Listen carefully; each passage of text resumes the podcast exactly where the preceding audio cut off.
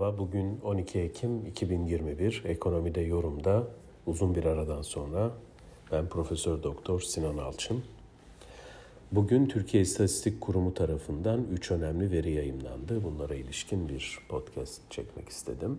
Ee, bu verilerin toplamı yani üçü e, bir yönüyle e, geçici bir ısınmanın özellikle Ağustos ayında yaşandığını gösteriyor ekonomide. Bunlardan ilki sanayi üretim endeksi.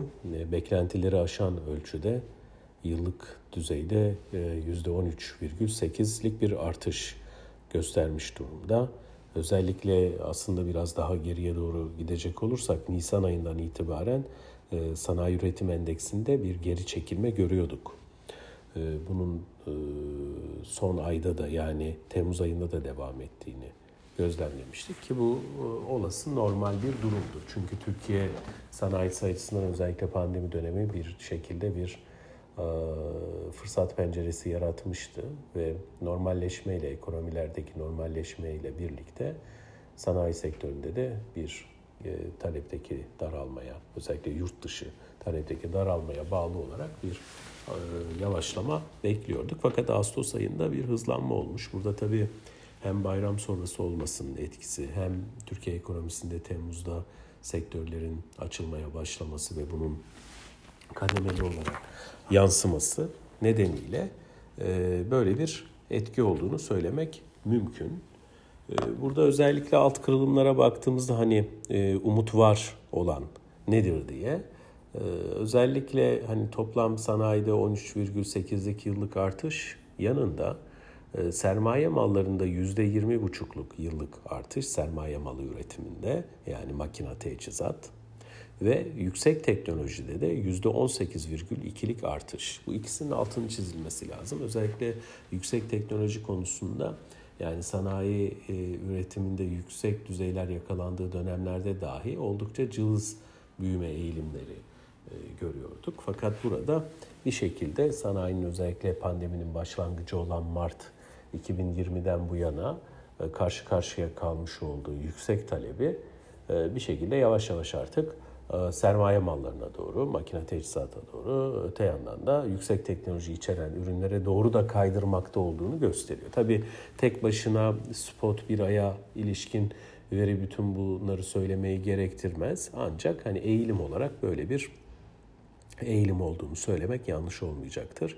Öte yandan perakende satış endeksi de açıklandı. Burada da e, yıllık olarak %15'lik bir artış olduğunu e, görüyoruz. Aylıkta ise e, çok hafif bir hareket var. Dolayısıyla genel anlamda Ağustos ayı yine az önce söylediğimize paralel olarak bir şekilde sektörlerin canlanması talep artışı da yaratmış. Ciro'da ise %48,1'lik bir artış var. Bu tabii uzun dönemde özellikle gelir dağılımı açısından nasıl bir etki yaratır bunu ayrıca incelemek lazım.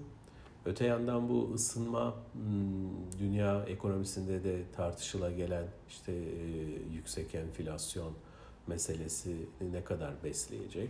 Yine diğer bacakta da e, işte stagflasyon tartışmaları var. Ben o tartışmalar içerisinde e, pek yakın durmuyorum yani stagflasyon konusuna. E, gerçekçi bulmuyorum daha doğrusu. Fakat şöyle bir gerçeklik de var. Özellikle son çeyreğe girişle birlikte yani Eylül sonrası Ekim ayında küresel ekonomide işte bir tarafında çip krizi, diğer tarafta navlun, diğer tarafta çeşitli emtialarda yaşanan sıkıntılar ve petrol fiyatlarındaki artış ciddi anlamda bir durgunluk yaratma potansiyeli taşıyor. Yine kış aylarıyla birlikte yine kuzey yarım küre üzerinden düşündüğümüzde tabii bu salgının daha fazla e, etki yaratma e, potansiyeli de var. Böyle bir potansiyeli de var. Bunları da alt alta yazmak lazım. Bunları alt alta yazdığımızda nasıl bir sonuç çıkar? Tabii enflasyon için farklı bir sonuç. E, büyümenin sürdürülebilirliği açısından farklı bir sonuç çıkar. Türkiye ekonomisi için Ağustos ayı 3. çeyreğin ortası anlamına geliyor. Yine genel anlamda zaten Türkiye'de özellikle tarım, turizm, inşaat başta olmak üzere canlılığın olduğu aylardır. Dolayısıyla hani bu etkiyi de göz önünde bulundurmak lazım. Ancak eğer Eylül ayında da benzer bir seyirde bu verileri karşılarsak kuvvetle muhtemel yılı e, çift taneli bir rakamla yani büyüme açısından söylüyorum kapatma ihtimali var Türkiye ekonomisinin.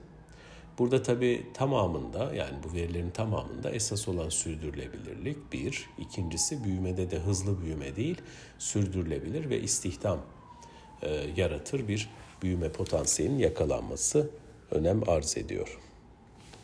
Teşekkür ederim. Thank you.